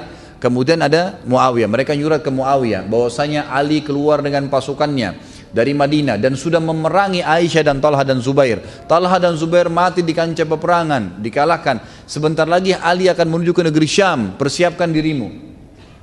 Muawiyah ini nggak ngerti apa-apa surat, kemudian lihat surat dari negeri Irak, lalu kemudian mereka berjaga-jaga saja. Ali pun diberikan berita, disebarkan berita dan sampai ke telinga Ali, kalau Muawiyah juga keluar dengan pasukannya, ketemulah ke negeri Syam dan terjadi perang Siffin yang sudah kita jelaskan. Jadi dua kejadian besar nih, dua kejadian besar dalam khilafahnya Ali radhiyallahu anhu dan dua-duanya fitnah. Dan akhirnya alhamdulillah selesai dengan sahabat ini saling memaafkan satu sama yang lain. Sebagaimana Ali berkata, sesungguhnya aku, Talha, Zubair. Karena Talha dan Zubair yang terbunuh ya, akan bertemu dan akan saling memaafkan di mahkamah Allah pada hari kiamat. Kita masuk sekarang ke masalah khilafah Rashidah, bagaimana Ali memimpin ya. Terlepas daripada fitnah tadi, bagaimana belum memimpin dengan luar biasa. Di antara hal yang mendasar yang harus difahamin adalah Ali ini orang yang sangat zuhud. Zuhud dalam arti kata dia mendahulukan akhirat dari dunia. Di antara riwayatnya adalah Beliau selalu setiap malam sholat malam, tidak pernah ketinggalan tahajud pada saat orang sedang tidur. Dia selalu berada di mihrabnya dan dia sering kali meneteskan air mata yang tidak berhenti dan sering kali keluar dari mulutnya kalimat yang didengar oleh orang-orang di sekitar rumahnya. Ya dunia, ya dunia, ilayya ta'arratti am ilayya tashawwaqti. Hayhata hayhata gurri gairi qad abantuki talaqtuki thalathan la raj'ata fiha. Fa umruki qasir aishuki hakir wa khataruki kabir. Ahin min qillati zat wa bu'di safar wa wahsyati tariq. Kata Ali di malam hari setelah sholat tahajud hampir setiap malam dia ulangin kalimat ini. Wahai dunia wahai dunia engkau telah menggodaku dan engkau telah rindu kepada engkau telah menggodaku. Engkau sedang menggodaku atau engkau rindu kepadaku Tanda tanya ya. Lalu dia mengatakan menjauhlah, menjauhlah dan goda orang lain. Aku telah mentalakmu, menceraikanmu tiga kali dan tidak ada peluang untuk kembali lagi. Umurmu pendek, kehidupanmu hina, bahayamu besar. Aku khawatir terhadap minimnya bekal, jauhnya perjalanan dan jalan yang mengerikan. Ulama menukil ini tentang zuhudnya Ali radhiyallahu anhu. Artinya memang beliau setelah menjadi khalifah pun seluruh dunia dia milikin sebenarnya pada saat itu tapi beliau tidak mau sama sekali dengan dunia ini. Disebutkan dalam riwayat lain beliau pernah kedatangan seorang penjaga Baitul Mal di zaman khilafah beliau kemudian memberitakan wahai Amir Mukminin Baitul Mal sudah penuh dengan harta baik harta rampasan perang maupun harta pendapatan negara.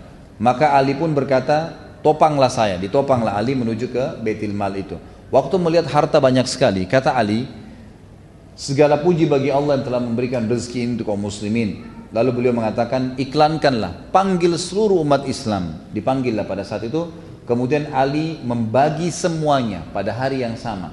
Hari itu Baitul Mal masuk, hari itu dihabiskan semua dibagi. Lalu Ali pun menyuruh lantainya disiram dengan air, dibersihkan. Kemudian Ali pun sholat dua rakaat di atas tempat tersebut. Dan Ali berkata, segala puji bagi Allah yang telah membuat amanah ini aku jalankan. Jadi termasuk masalah kezuhudan. Beliau tidak ambil sedikit pun dari harta itu. Disebutkan dalam riwayat yang lain, pada saat beliau memimpin, beliau sempat memindahkan kepemimpinan dari Madinah ke Kufah. Khilafahnya beliau di Kufah di Irak. Dan di Kufah telah dibangun oleh masyarakat Kufah istana yang besar untuk beliau. Pada saat beliau melihat istana tersebut dengan singa sananya, Ali cuma disuruh masuk untuk jadi raja saja di situ, gitu kan. Maka Ali pun berkata pada saat itu, istana kesombongan, aku tidak akan pernah tinggal di tempat seperti ini. Lalu Ali lari seperti dikejar oleh hewan buas dari istana itu maksudnya. Jadi Ali nggak mau, dia tetap tinggal di rumahnya saja. Ali radhiyallahu anhu dikatakan juga bentuk kezuhudannya adalah beliau pernah atau beliau menggunakan jubah yang dibeli di pasar dengan harga tiga dirham. Dia mengendarai keledai dan dia berkata biarkanlah aku menghinakan dunia ini dan jangan gantikan aku dengan yang lainnya. Imam Ahmad bin Hambal berkata khilafah tidak bisa berimbang dengan Ali.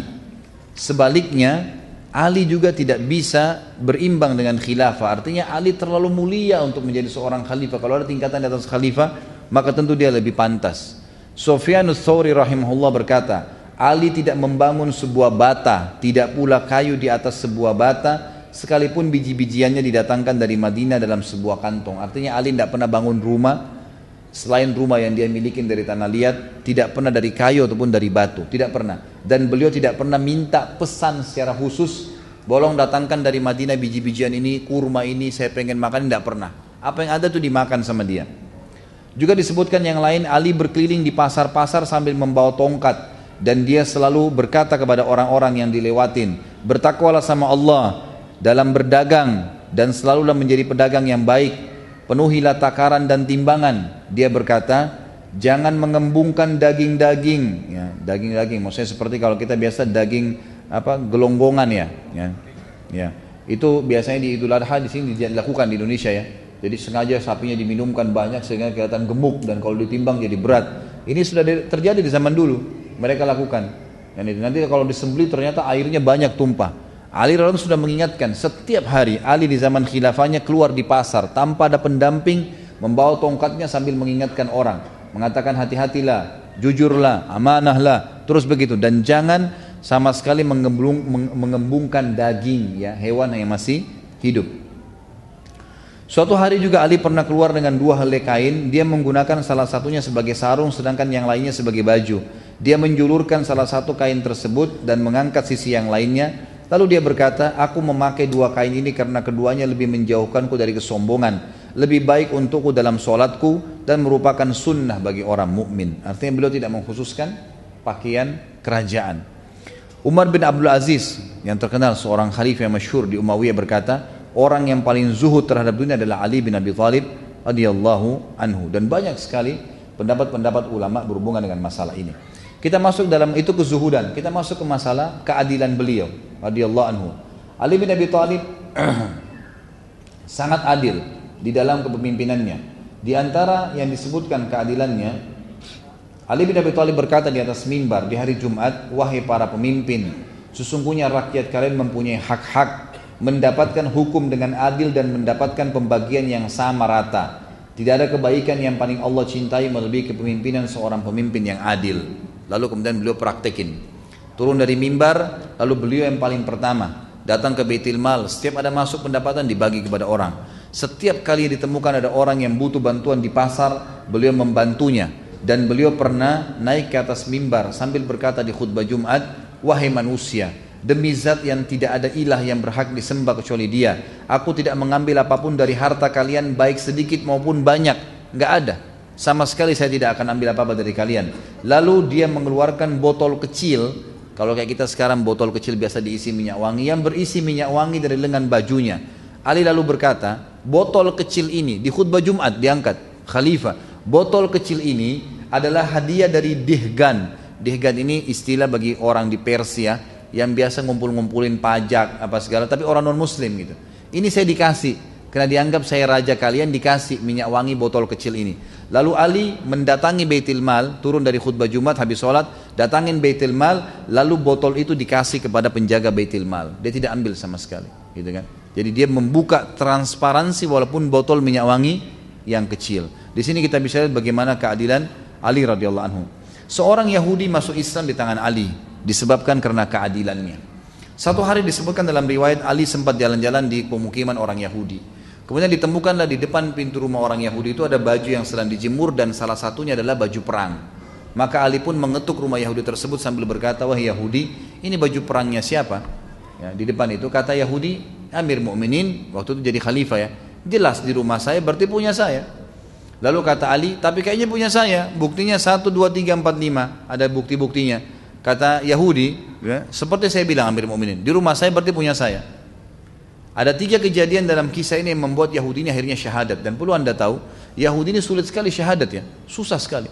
Kata Nabi SAW dalam hadis sahih riwayat Bukhari, kalau seandainya ada 12 orang saja Yahudi yang apa, beriman pada risalahku semasa Nabi hidup, 12 orang saja, seluruh Yahudi akan beriman.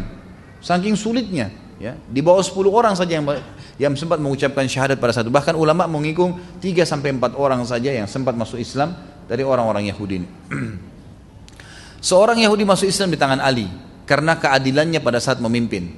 Waktu itu Ali ada tiga kejadian ya setelah dialog sama Yahudi ini yang membuat Yahudi ini masuk Islam. Yang pertama adalah Yahudi ini kaget waktu Ali bilang ini baju siapa? Dia bilang baju saya di rumah saya jelas punya saya. Ali tunjukkan buktinya dan ini dialog antara raja muslim dengan masyarakat biasa kafir. Sudah masyarakat biasa kafir. Artinya kalau raja dia mau diambil saja, gitu kan? Tapi ini enggak. Maka kejadian pertama yang buat Yahudi ini syahadat dia bilang, tiba-tiba Amir Mukminin Ali mengajak saya ke pengadilan. Ayo kita ke pengadilan kalau begitu. Jadi bukan Ali ambil langsung, kata si Yahudi yang menukar riwayat kepada kita. Dia mengatakan kalau seandainya ini raja Yahudi, udah diambil secara paksa. Tapi karena ini Muslim dia tidak ambil. Maka saya kaget atau Amir Mu'minin mengajak saya ke ya pengadilan. Maka jalanlah saya bersama Ali. Nggak ada pengawal, nggak ada siapa. Jalan Amir Mu'minin Raja Muslim, jalan kaki, nggak pakai kendaraan bersama dengan orang Yahudi ke pengadilan. Kejadian kedua yang membuat Yahudi ini masuk Islam adalah pada saat masuk ke dalam ruangan pengadilan. Waktu itu kebetulan hakimnya seseorang yang bernama Shuraih yang ditunjuk oleh Ali menjadi hakim. Ali yang tentuin gajinya, Ali yang tentukan juga jabatannya. Waktu Ali masuk, kata Yahudi ini, waktu Amir Mu'minin masuk ke pengadilan dan dia berikan salam, anehnya tidak satu pun dari umat Islam ada yang berdiri dan salaman sama Ali. Nggak ada. Gitu ya. Apa sebabnya? Karena ternyata mereka sudah biasa salaman sama Ali tiap hari. Nggak ada sesuatu yang istimewa. Mereka kalau mau temui Ali, Ali ada di pasar, ada di rumahnya, kapan saja diketuk bisa ditemuin. Nggak ada sekretaris, nggak ada janji, nggak ada segala macam-macam rumit. Nggak ada. Tiap hari. Jadi mereka nggak anggap Ali itu bertemu salaman khusus adalah istimewa biasa saja. Maka pada saat Ali radhiallahu salam, waktu salam pada saat itu, maka semuanya jawab, tapi kata Yahudi ini tidak ada satupun yang berdiri salaman sama Amir Mu'minin. Dan yang luar biasa, Syuraih si hakim sempat bilang, silakan wahai Amir Mukminin, silakan apa? Antri. Di pengadilan ini lagi banyak orang dihakimin, silakan antri. Kata Yahudi ini, Amir Mukminin pun pergi ke belakang saf ya pengadilan dan tunggu antri, nggak marah, nggak tersinggung, nggak apa-apa. Biasa saya kayak tidak ada apa-apa. Ini kejadian kedua yang membuat dia kagum. Pertama diajak ke pengadilan, kedua kejadian yang terjadi pada saat awal masuk di pengadilan. Dan yang ketiga dia bilang, ini sebab dia masuk Islam, Waktu tiba giliran kami, kata Yahudi ini, Hakim Syurai tiba-tiba berkata, ada apa Amir Mu'minin? Kata Ali, saya tadi pagi jalan di pemukiman orang Yahudi, lalu saya temukan ada baju perang, ini yang dipegang sama dia. Setahu saya ini baju saya, buktinya 1, 2, 3, 4, 5. Kata si Hakim, wah Yahudi apa pendapatmu? Kata Yahudi, saya sudah jawab di rumah saya kepada Amir Mu'minin. Ini di rumah saya, jelas punya saya berarti.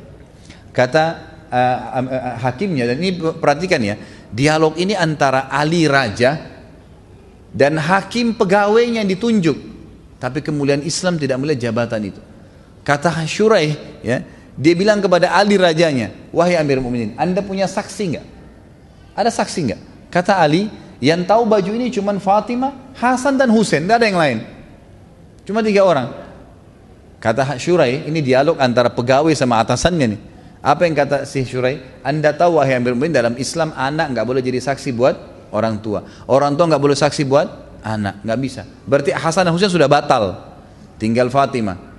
Dan anda tahu dalam Islam saksi harus dua orang laki-laki yang terpercaya. Kalau satu laki-laki nggak ada diganti dengan berapa perempuan? Dua. Dua perempuan satu laki-laki. Berarti butuh empat perempuan. Anda punya satu orang, Fatimah. Ada tiga orang lagi nggak? Kata Ali nggak ada. Cuma itu saja. Kata Yahudi tiba-tiba saya kaget ini yang membuat dia masuk Islam yang ketiga, kejadian ketiga. Dia bilang tiba-tiba hakim syurai menghadap ke arah kami dan mengambil keputusan berkata dengan tegas, wahai Amir Mu'minin kalau begitu saya putuskan baju perang ini punyanya Yahudi. Dan yang luar biasanya, kata Ali, baiklah. Syuraih tutup dengan kafaratul majlis, turun dari mejanya, salaman sama Ali. Baru salaman sekarang, keluar sama-sama dari pengadilan kayak tidak ada apa-apa. Yahudi ini menghadap ke sana, dia bingung kejadian ini. Dia bilang, sebentar Amir Mu'minin, sebentar wahai hakim. Apakah pengadilan sudah selesai? Ali yang jawab, sudah wahai Yahudi. Walaupun saya yakin itu baju perang saya. Tapi nggak ada saksi. Agama saya mengajarkan seperti itu. Lalu Syurai juga bilang, sudah seperti saya putuskan. Sudah selesai. Yahudi nggak percaya. Dia bilang lagi, apakah baju perang ini jadi milik saya sekarang? Kata Ali iya, kata Syuraih iya. Apa kata Yahudi? Demi Allah wahai Amir Mu'minin, ini baju perang anda yang dua hari lalu saya curi. Gitu kan? Lalu dia syahadat, asyhadu an la ilaha wa anna Muhammad Rasulullah. Dia syahadat gara-gara perilakunya Ali dan keadilannya. Dan ini salah satu riwayat yang sangat menarik diangkat pada saat Ali menjadi khalifah dan ini luar biasa gitu kan. Ini luar biasa. Kemudian tentu masih ada yang lain seperti yang saya katakan beliau jalan di pasar dan segalanya disebutkan bahwasanya Ali radhiyallahu anhu dalam riwayat riwayat ini dinukil oleh Abu Nuaim dalam Al-Hilya dan Ibnu Abi Syaibah dalam musannafnya dengan sanad yang sahih. Ali bin Abi Ali bin Al-Qam dari ayahnya dia berkata aku melihat Ali menjual sebilah pedang di pasar. Di zaman khilafah ya beliau bawa pedangnya beliau jual di pasar. Khalifah jual pedang di pasar dia berkata siapa yang mau membeli pedang ini dari aku demi zat yang menumbuhkan biji-bijian aku sering menggunakan untuk membela wajah Nabi Wasallam. Ini pedang yang aku pakai membela Nabi Wasallam. Seandainya aku mempunyai uang seharga sehelai kain sarung, niscaya aku tidak menjualnya. Aku tidak menjualnya. Artinya Beliau betul-betul memang hidup hidup seperti masyarakat biasa dan kepemimpinan kerajaan itu khilafah bukan ajang untuk ya, untuk mengumpulkan harta. Dia tahu itu adalah amanah yang harus dijalankan. Seperti itu gambarannya. Ali juga ya adalah orang yang memang sangat hakim, sangat bijaksana dalam keadilan ini ya. Dan itu diakui oleh banyak sahabat. Di antaranya Umar bin Khattab berkata, yang paling mahir dalam menerapkan hukum di antara kami adalah Ali. Ini Umar bin Khattab menyampaikan masalah itu. Bahkan Ibnu Mas'ud mengatakan, kami membicarakan bahwa orang-orang Madinah yang paling ahli di bidang peradilan adalah Ali bin Abi Thalib. Ini semua pengakuan para sahabat ridwanullah alaihim. Dan Ali pernah berkata, Rasulullah SAW mengutusku ke negeri Yaman dan aku berkata aku adalah orang yang paling muda ya Rasulullah. Bagaimana aku bisa mendakwahi mereka? Lalu Nabi SAW mengatakan, mengatakan kepada beliau, Inna Allah sayahdi qalbak wa yuthabbit wa yuthabbitu lisanak fa idza jalasa baina yadayka al-khasmani fala taqsi fala taqdiyani hatta tasma'a min al-akhar kama sami'ta min al-awwal fa innahu ahra an yatabayyana al-qada'.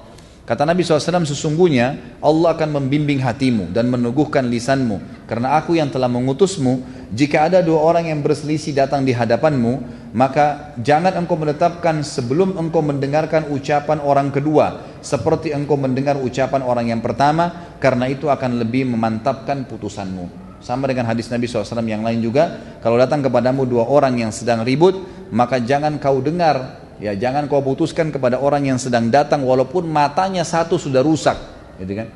Sampai engkau melihat ya lawannya, rivalnya. Kenapa saja rivalnya matanya dua-duanya rusak. Gitu. Maka disuruh mengadukan seperti itu. Umar juga radhiyallahu berkata dari Abu Sa'id al-Khudri, beliau berkata atau beliau pernah bertanya kepada Ali tentang sesuatu, lalu Ali menjawab, maka Umar berkata, aku berlindung kepada Allah dari kehidupan di tengah suatu kaum yang tidak ada Abu Hasan di antara mereka. Maksudnya Ali radhiyallahu anhu. Dan banyak sekali riwayat-riwayat yang menyebutkan hal-hal yang seperti ini yang menyebutkan tentang masalah bagaimana keadilan beliau. Kemudian kedermawan, beliau sangat dermawan dan murah hati radhiyallahu anhu. Ya disebutkan di dalam sebuah uh, riwayat yang sahih dan riwayat ini dinukil uh, mohon maaf disebutkan dalam Ar-Riyadun An-Nadirah ya, oleh At-Tabari dan ini juga dinukil riwayat dari e, para tabi'in dan dengan sanad yang sahih. Dikatakan Ali radhiyallahu anhu tidak wafat kecuali memiliki uang 100 ribu. Allah alam dirham atau dinar pada saat wafat tapi tapi Ali memiliki utang 70 ribu. Lalu ditanyakanlah kepada anaknya Hasan, kenapa kok bisa utangnya sebesar itu? Harta sudah ada, tapi kenapa kok bisa ya waktu beliau meninggal ya, kenapa kok bisa utangnya lebih mendekati hampir seluruh harta? Kata dinukil bahwasanya Ali radhiyallahu anhu semasa hidup sering kedatangan ipar-iparnya, kenalan-kenalannya dan juga kerabat-kerabatnya. Maka beliau tidak pernah membiarkan mereka pergi kecuali sudah diberikan sesuatu. Artinya diberikan harta kepada mereka. Kan. Kemudian juga disebutkan Ali radhiyallahu anhu pernah keluar satu waktu, kemudian eh, maaf menuju ke rumahnya satu waktu lalu Fatimah berkata wahai Ali, kami tidak punya makanan lagi. Ya kecuali uang tiga dirham ini. Maka diberikanlah uang tersebut kepada Ali. Ali pun menuju ke pasar ingin membeli makanan. Di tengah pasar dia bertemu dengan satu orang fakir miskin yang berkata, setelah salam wahai ayahnya Hasan, saya ya sudah tiga hari nggak makan dengan anak istri saya. Bisakah engkau membantuku? Ali waktu itu pegang uang cuma tiga dirham, tidak ada lagi yang lain. Maka dengan keyakinan kepada Allah dia mengatakan tidak mungkin saya membantu orang susah ini. Kemudian Allah membuat saya dan keluarga saya mati kelaparan. Karena saya belum makan hari ini saja sementara orang ini sudah tiga hari nggak makan. Maka dia pun dengan keyakinan memberikan semua tiga dirham itu. Setelah itu dia pulang ke rumahnya kata Fatimah mana makanannya? Kata Ali ya tadi ada orang begini ceritanya. Maka saya berikan. Fatimah pun menangis mengatakan lalu kita makan apa Kata Ali, jangan kau khawatir ya Fatimah, Allah tidak akan membiarkan kita mati kelaparan karena membantu orang. Saya akan ke rumah ayahmu Rasulullah SAW, mungkin beliau punya makanan. Maka keluarlah Ali radhiyallahu anhu menuju ke rumah Nabi SAW dan ini saksi bahasan kita. Pada saat itu bertemulah Ali dengan seorang ansar yang membawa unta betina merah ya dengan tangannya setelah memberikan salam kepada Ali kemudian ngobrol-ngobrol lalu dia berkata wahai ayahnya Hasan saya punya unta yang bagus apa anda ingin beli Waktu itu kebetulan unta yang seperti ini harganya di pasar standar cepat laku 40 dirham. Kata Ali baiklah, tapi saya nggak ada duit. Kata orang itu anda boleh bayar kapan saja. Lalu kata Ali berapa engkau mau jual? Dia bilang saya jual 20 dirham. Udah bayarnya kapan saja ada uang, kemudian setengah harga pasar gitu kan. Lalu Ali pun mengambil. Baru saja jalan berapa langkah ingin ke rumah Nabi SAW, ada orang Ansar yang kedua datang, yang kenal orang Ansar pertama, lalu berkata kepada Ali setelah salam, wahai ayahnya Hasan, saya lihat kamu punya unta yang bagus, apa kau mau jual? Kata Ali, iya. Lalu orang itu berkata berapa? Kata Ali 40 dirham, harga standar pasar. Orang itu nggak nawar, nggak apa, langsung dikasih di tangannya. Kemudian Ali sempat mengejar pemilik unta yang pertama dikasih 20 dirham uang untanya, lalu 20 dirham dibawa pulang ke rumahnya. Jadi di sini kita lihat bagaimana Ali radhiallahu sangat dermawan, ya sangat dermawan yang luar biasa. Kemudian Ali radhiyallahu juga disebutkan di sini, ya memiliki kata-kata emas yang sering dijadikan sebagai rujukan dan ini cukup banyak disebutkan, tapi saya akan sebutkan mungkin beberapanya ya. Di antaranya adalah beliau berkata dan diajikan rujukan oleh para sahabat, oleh para tabiin, an-nasu thalatha fa'alimun rabbani wa muta'alimun ala sabilin najah wa hamajun ri'a'u atba'u kulla na'iq. Yamiluna ma'a kulli rihin. Lam yastadhi'u binuril ilmi wa lam yalja'u ila ruknin wathiq manusia ada tiga macam. Seorang ulama rabbani ulama yang memang tahu ilmu dan mengamalkan. Yang kedua muta'allim pencari ilmu di atas jalan keselamatan. Ini juga orang yang positif dan yang ketiga orang awam yang tidak berilmu yang mengikuti setiap seruan, condong ke arah angin bertiup, tidak memiliki cahaya ilmu dan tidak berpegang kepada pilar yang kokoh. Maka janganlah kalian menjadi orang yang ketiga. Satu atau dua saja, orang alim yang mengajar atau orang yang menuntut ilmu sehingga bisa menyelamatkan dirinya dari hal-hal yang diancamkan oleh Allah. Beliau juga mengatakan al ilmu khairun minal mal. Al ilmu yahrusuka wa anta tahrusu al-mal. Al-ilmu yazku ala al-amali wal malu tanqusun nafaqah. Wa mahabbatul alimi dinun yudanu biha. Ilmu lebih baik daripada harta nasihatnya beliau kepada kaum muslimin. Ilmu menjagamu sedangkan engkau menjaga harta. Ilmu bertambah dengan diamalkan sedangkan harta habis jika dibelanjakan Cinta ulama adalah agama yang harus dijadikan sebagai pegangan hidup. Artinya sering hadir di majelis ilmu, mencintai mereka adalah sebuah hal yang positif. Ya. Kemudian beliau mengatakan juga dalam riwayat yang lain, al ilmu yuksabul alimu ta'a fi hayatihi wa jamilul ahdutha ba'da mauti wa dhi'atul mali tazulu bizawali. Ilmu mendatangkan ketaatan bagi ulama dalam hidupnya, menyebabkan kenangan baik ketika dia sudah meninggal. Kalau kita menjadi seorang alim nih, maka kalau kita hidup akan membuat orang menghormati kita. Kalau kita meninggal, maka akan mengharumkan nama. Sementara harta, manfaat harta akan hilang seiring dengan habisnya harta kalau tidak digunakan di jalan Allah Subhanahu wa taala. Tentu di sini cukup banyak yang disampaikan oleh beliau. Di antaranya hal yang menarik adalah Mata khuzzanul amwali wa hum ahya' wal ulama'u baquna ma baqiyal dahr. A'yanuhum mafqudatun wa amsalun fil qulubi mawjudah. Para penjaga atau pencari harta telah mati sekalipun mereka hidup ya. jadi orang-orang yang cuma kejar harta mereka seperti orang mati walaupun mereka hidup karena sibuk bahkan kadang-kadang mempertaruhkan jiwanya. Sementara para ulama tetap hidup selama umur zaman masih ada jasad mereka tidak ada namun kata-kata baik mereka tetap tertanam di dalam hati. Kemudian beliau mengatakan juga inna akhwafu ma akhafu ittiba'ul hawa wa tulul amal. Sesungguhnya yang paling aku khawatirkan atas kalian adalah mengikuti hawa nafsu dan panjangnya angan-angan. Fa amma ittiba'ul hawa fayasuddu anil haq.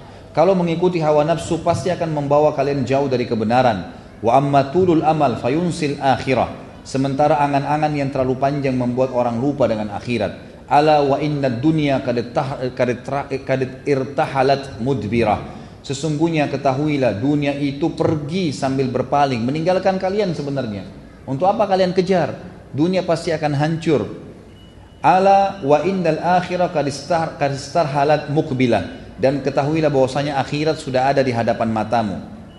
Walikulli wahidatin minhuma banun dan setiap wilayah ini dunia dan akhirat punya keturunan fakunu min abna'il akhirah wala takunu min abna'id dunia oleh karena itu karena dunia tetap akan meninggalkan kita atau kita akan meninggalkan dunia sementara akhirat akan kita datangin dan juga akan datang kepada kita Maka dua-duanya punya keturunan, maka jadilah keturunan-keturunan akhirat dan jangan jadi keturunan dunia yang nanti akan akan kekal di sana dan dunia akan meninggalkan kalian. Fa innal yawma amal wala hisab wa gadan hisaba wala amal.